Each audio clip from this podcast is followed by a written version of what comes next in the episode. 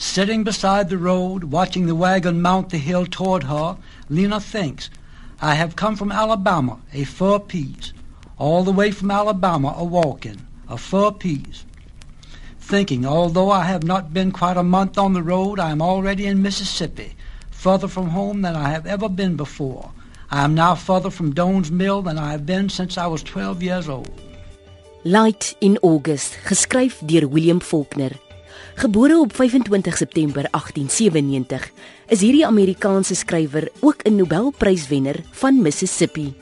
Faulkner is ook die skrywer van vele romans, kortverhale, 'n toneelstuk, gedigte en draaiboeke. William Faulkner is een van die mees gevierde skrywers in Amerikaanse literatuur.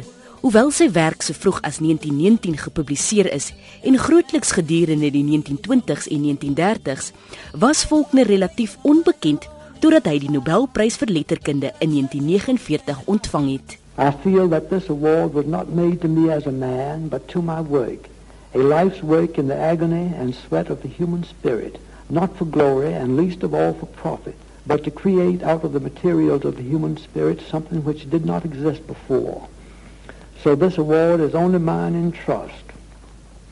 It will not be difficult to find a dedication for the money part of it commensurate with the purpose and significance of its origin.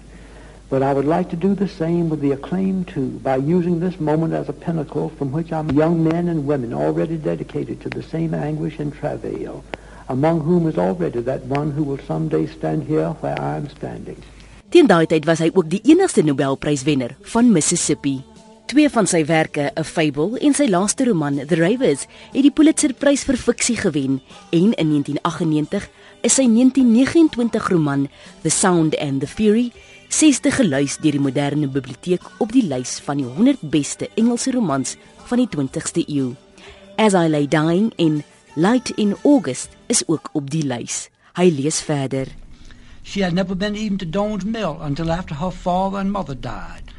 Though six or eight times a year she went to town on Saturday in the wagon, in a mail order dress and her bare feet flat in the wagon bed and her shoes wrapped in a piece of paper beside her on the seat.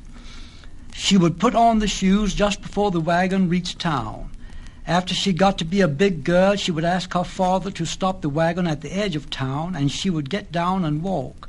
She would not tell her father why she wanted to walk in instead of riding. He thought that it was because of the Die skrywer William Faulkner is oorlede op 6 Julie 1962 op die ouderdom van 64. lived in the town too. When she was 12 years old, her father and mother died in the same summer.